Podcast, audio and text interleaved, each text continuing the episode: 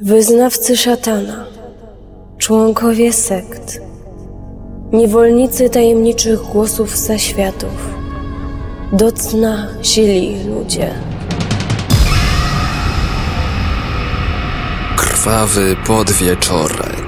Witajcie po przerwie w krwawym podwieczorku. Jak wiecie, nazywam się Persefona i opowiadam wam o najniebezpieczniejszych seryjnych mordercach w historii świata. Bohaterką dzisiejszego odcinka będzie Marie Delphine Lalaurie. Kim jest? Dlaczego do dziś dnia można o niej usłyszeć w Nowym Orleanie? Dlaczego jej dom uważany jest za najbardziej nawiedzone miejsce w tym mieście? Posłuchajcie. Zapraszam. Rodzina Delfin była rodziną wywodzącą się z wyższych sfer Nowego Orleanu. Delfin miała czworo rodzeństwa. Jej ojcem był Bartholomew Louis McCarthy, natomiast y, jej matką była Marie Jean Coan, która była nazywana wdową Lacombe, ponieważ było to jej drugie małżeństwo. Ogólnie rodzina Delfin wywodziła się z Irlandii. Jej dziadek w 1730 roku przeniósł się właśnie z Irlandii do Nowego Orleanu. 11 czerwca 1800 roku Delphine wychodzi po raz pierwszy za mąż. Jej wybrankiem był Don Ramon de Lopez y Angelo, wysokiej rangi hiszpański oficer, którego poślubiła w katedrze świętego Luisa w Nowym Orleanie i w 1804 roku Ramon został konsulem generalnym Hiszpanii w Luizjanie i miał wyruszyć z żoną do Hiszpanii. I teraz istnieją różne wersje, jak ta historia wyglądała. Grace King, która była kronikarką tamtego okresu w Nowym Orleanie, twierdziła, że cała ta wyprawa do Hiszpanii miała być jakąś formą kary dla Ramona. Niestety nie udało mi się dotrzeć do informacji, która by tłumaczyła, co to była za kara. W każdym razie, w wersji pani King, małżeństwo przybywa do Hiszpanii i Delfin zachwyca królową hiszpańską swoją urodą. Natomiast według drugiej wersji, e, niestety e, Ramon nigdy do Hiszpanii nie dotarł. W 1936 roku Stanley Arthur napisał, że 26 marca 1804 roku Ramon został odwołany na dwór hiszpański Czyli tutaj mamy zgodę, że jakby wyprawa na ten dwór hiszpański faktycznie miała mieć miejsce, jednak Ramon nigdy na ten dwór hiszpański nie dotarł, ponieważ zmarł w Hawanie. W każdym razie w czasie tej podróży, która miała zakończyć się w Hiszpanii, urodziła się pierwsza córka Delfin, która miała na imię Marie Borgia i ta córka nosiła pseudonim Borkita. Po śmierci męża w Hawanie Delfin wraz z małą córeczką wróciła do Nowego Orleanu. Po czterech latach, w czerwcu 1808 roku, Delfin wychodzi ponownie za mąż za Johna Blanca. John Blanc, czy też Blanche, był bogatym kupcem, bankierem oraz prawnikiem i kupują dom przy ulicy Royal Street 409, który był później zwany Villa Blanc też Blanche. Małżeństwo doczekało się czwórki dzieci. Były to cztery córki: Marie Louise Pauline, Louise y, Maria Laura, Maria Louisa Jean i Jean Pierre Paulin. E, czyli nie mamy tutaj specjalnej inwencji twórczej, jeżeli chodzi o imiona. Tak więc Delfin z pięcioma córkami i mężem mieszkają sobie przy Royal Street 409, e, lecz niestety w 1816 roku Blanche czy też Blanc umiera, no i Delfin po raz e, drugi zostaje wdową. 25 czerwca 1825 roku, czyli po 9 latach, Delfin wychodzi za lekarza, który jest od niej dużo młodszy. Dotarłam też do informacji, że był on fizykiem, jednak wydaje mi się, że informacja o lekarzu jest yy, bardziej prawdopodobna. Był to Leonard Louis Nicolas Lalaurie i właśnie od niego ma nazwę teraz willa, którą wspólnie wybudowali, czyli Villa La Lori. Ziemię do budowy wspomnianej willi państwo La Lori kupują w 1831 roku i była to działka na 1140 Royal Street w mieście Nowy Orlean i zbudowali na nim trzypiętrowy, bardzo piękny budynek, który był przystosowany do tego, żeby na e, terenie całej posiadłości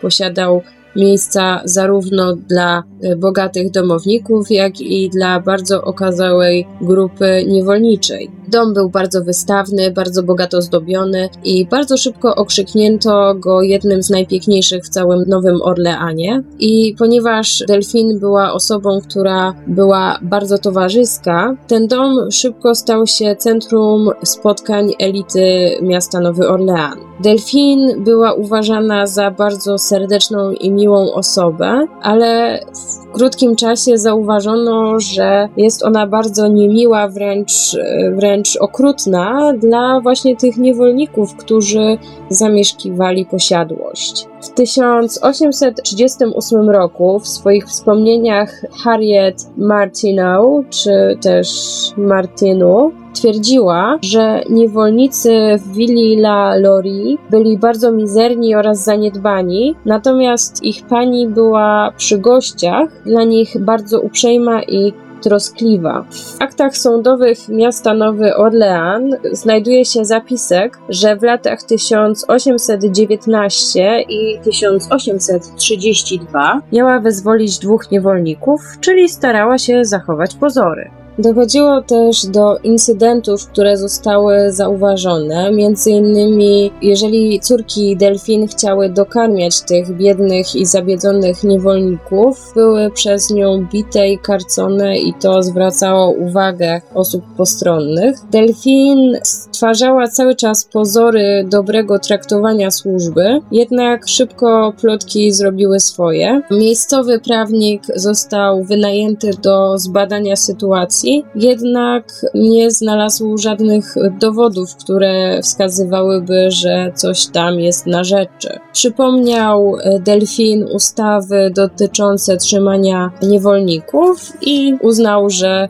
zrobił wszystko, co mógł w tej sprawie. Niedługo po tym, jak prawnik pojawił się na terenie Willi La Lori, miał miejsce kolejny incydent. Delfin pobiła swoją 12-letnią niewolnicę Lię, albo też Le, zależy do jakich źródeł patrzymy. Dziewczynka miała przypadkiem pociągnąć delfin e, za włosy podczas ich szczotkowania, co wprawiło kobietę w furię i zaczęła gonić dziewczynkę po domu z batem. Dziecko było tak przerażone, że uciekło przed delfin aż na dach i po prostu spadło z niego, umierając na miejscu. I jej ciało delfin kazała wrzucić do studni. Oczywiście całą sytuację E, zobaczyli świadkowie. No i to doprowadziło do tego, że Delfin musiała ponieść pewne konsekwencje. Ponieważ, jak zapewne wiecie, historia miała miejsce jeszcze przed wojną secesyjną, tak więc kara, jaka spotkała Delfin po tej całej sytuacji, nie była aż tak dotkliwa, jak mogłaby być za to, że jej niewolnica zginęła. Ponownie dokonano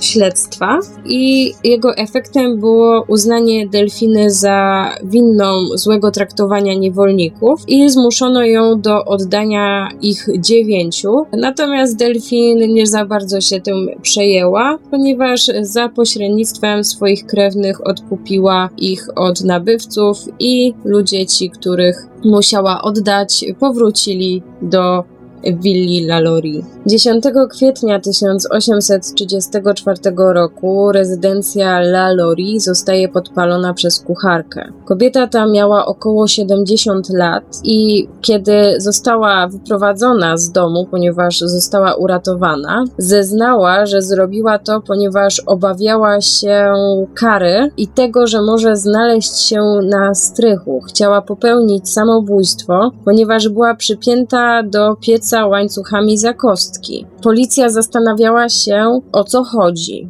Wyszło na jaw, że mówiono w tym domu oraz wśród niewolników o tym, że każdy niewolnik, który zrobił coś, co nie podobało się pani domu, zabierany był na najwyższe piętro rezydencji i nie każdy wracał na dół. Pożar bardzo szybko rozprzestrzeniał się po drewnianym domu. Bardzo szybko zbiegli się ludzie, którzy chcieli pomóc w ratowaniu i gaszeniu, ale im płomienie coraz bardziej pokrywały dom i wznosiły się na wyższe piętra, tym ludzie na ulicy słyszeli bardziej przeraźliwe i głośne krzyki ze środka domu.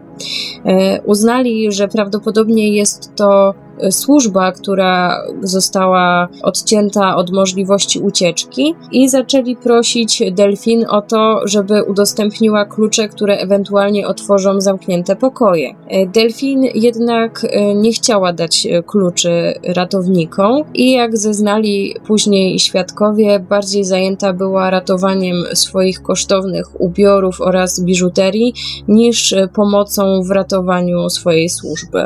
Mieszkańcy Nowego Orleanu Orleanu byli jednak bardzo odważnymi ludźmi i nie zważając na protesty właścicielki, postanowili, że sami sobie poradzą i wdarli się w ramach akcji ratunkowej do domu. E, pierwsi ratownicy szybko dotarli na ostatnie piętro budowli, z którego dało się słyszeć straszne krzyki i jęki. I kiedy już dostali się na strych, zobaczyli obrazy jak z koszmaru. Przekazy mówią o tym, że niektórzy z ratowników po prostu zaczęli wymiotować, ponieważ zobaczyli niewolników, którzy byli zamknięci w małych klatkach. W innych przekazach można znaleźć informację, że było to bardzo małe pomieszczenie, w którym znajdowało się bardzo dużo upchniętych ludzi, którzy po prostu nie mieli przestrzeni do tego, żeby w jakikolwiek sposób móc się ruszyć. Ludzie ci byli potwornie okaleczeni, przykuci do ścian lub też mebli i i nie ma co ukrywać, y, niektórzy z nich byli ofiarami potwornych eksperymentów. Między innymi miał się tam znajdować mężczyzna, który był przekształcony w kobietę oraz y, kobieta krab, która miała obcięte od innych osób kończyny przyszyte do swojego ciała pod różnymi dziwnymi kątami. Na podłodze pomieszczenia pomiędzy cierpiącymi niewolnikami miały się też poniewierać wiadra z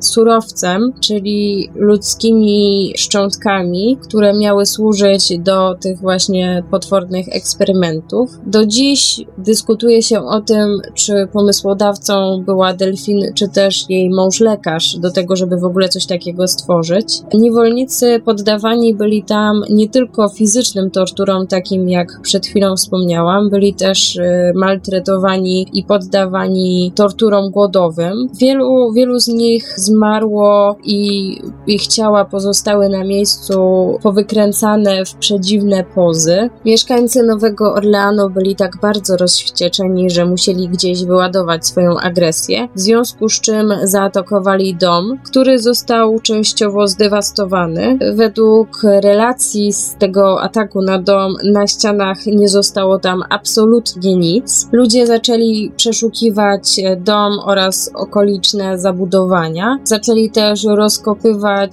e, ziemię na terenie posiadłości, w której odkryto dziesiątki ciał i były tam też szkielety małych dzieci, które miały być ofiarami Madame La Lori. Co się stało z Delfiną? Prawdopodobnie kobieta udała się z Nowego Orleanu do Alabamy, potem wsiadła na statek i uciekła do Paryża. Na jednym z paryskich cmentarzy odnaleziono nagrobek osoby, która nazywała się dokładnie tak samo jak ona. Na nagrobku widnieje data 7 grudnia 1842 rok. Natomiast według archiwów miasta Paryża Delphine Lalaurie zmarła w 1849 roku. Przyczyną jej śmierci miały być obrażenia, jakie odniosła podczas polowania na dzika. Kto wie, może ten dzik miał w sobie duszę jakiegoś zabitego przez delfin niewolnika. Tymczasem w Nowym Orleanie niewolnicy, którzy przeżyli pożar, zostali wystawieni na pokaz w nowoorleańskim więzieniu i zapewne się zastanawiacie, o co chodziło tym nowoorleańskim y, mieszkańcom, żeby w ogóle coś takiego robić. No więc, miało to na celu ukazanie publicznie ich ogromnego cierpienia. Mhm. W każdym razie, co to się tam dalej z tym domem działo? Dom pozostawał w, cały czas w ruinie. Odbudowano go w latach 80. XIX wieku i założono tam liceum. E, szybko jednak to liceum zostaje zamknięte. Potem w tym miejscu otworzono bar, sklep z meblami oraz apartamentowiec. Nic się długo nie utrzymało. W 2007 roku dom La Lori kupił znany aktor Nicolas Cage. Zapłacił za niego 3,5 miliona dolarów i jak się uważa, wkrótce miała na niego spaść klątwa ubóstwa.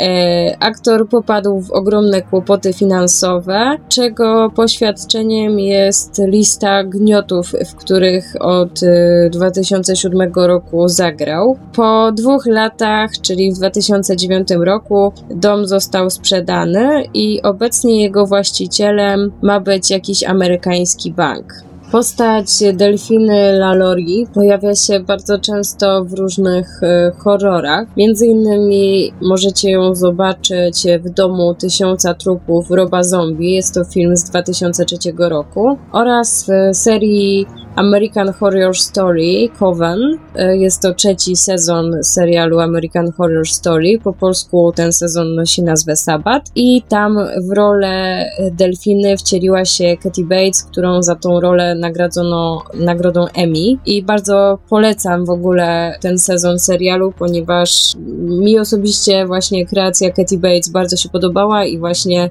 e, dzięki jej roli zainteresowałam się postacią delfiny i dzięki temu powstała ta audycja audycja. E, oprócz całej legendy związanej z delfiną, mamy też legendę jej portretu, na którą można wpaść w internecie. Żeby było śmieszniej, e, ten portret nie jest autentycznym portretem delfiny. Został on namalowany w 1997 roku i legenda powstała w taki sposób, że zwiedzający Villa La Lori zaczęli źle się czuć w pobliżu tego obrazu. Czasami zdarzało się tak, że portret w towarzystwie zwiedzających lubił sobie spaść ze ściany, natomiast w nocy w willi słychać było dziwne odgłosy i to spowodowało, że ludzie, którzy wtedy byli właścicielami tej willi, zwrócili malarzowi jego dzieło i obecnie portret delfiny znajduje się w prywatnej kolekcji i właściciele obrazu nie chcą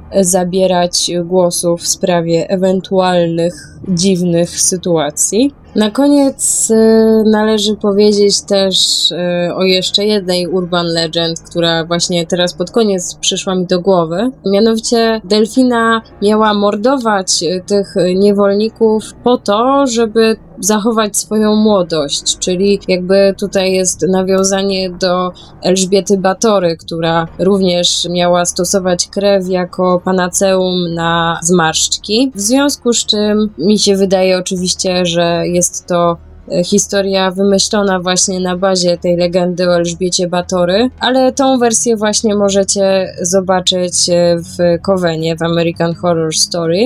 Jeżeli zastanawiacie się, co się stało z pięcioma córkami Delfiny oraz jej mężem, oni prawdopodobnie uratowali się razem z nią, dlatego że jeżeli by tak nie było, to najprawdopodobniej zostałyby jakieś informacje dotyczące na przykład tego, że tłum ich zlinczował, albo rozczłonkował, albo że zostali powieszeni za to, że skrzywdzili tych niewolników albo że wiedzieli o tym, ale nic nie zrobili. W każdym razie chciałam Was uczulić na to, że historia Delfiny La Lori jest to historia, która była pewną pożywką dla mieszkańców Nowego Orleanu. Stała się takim urban legend i bardzo dużo historii, które e, jest opowiadanych o delfinie, jest po prostu wymyślonych lub, e, lub też wyolbrzymionych. Prawdopodobnie to wszystko wyglądało w ten sposób, że ona bardzo znęcała się nad niewolnikami i faktycznie e, upychała ich do jakichś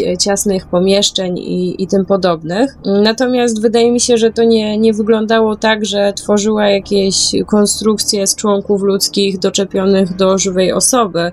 Wydaje mi się, że to już jest makabryczna przesada. No i cóż, to tyle. Mam nadzieję, że audycja po przerwie Wam się podobała. Jeżeli macie jakieś pytania, piszcie na forum Radia Paranormalium. I pamiętajcie, jak nie chcecie, żeby dotknęła Was klątwa ubóstwa, nie kupujcie domów w Nowym Orleanie. Trzymajcie się. Cześć. Wyznawcy szatana, członkowie sekt, niewolnicy tajemniczych głosów zaświatów do cna sili ludzie. Krwawy podwieczorek. Jeśli chcesz o coś zapytać, skontaktuj się ze mną na forum Radia Paranormalium pod adresem paranormalium.pl.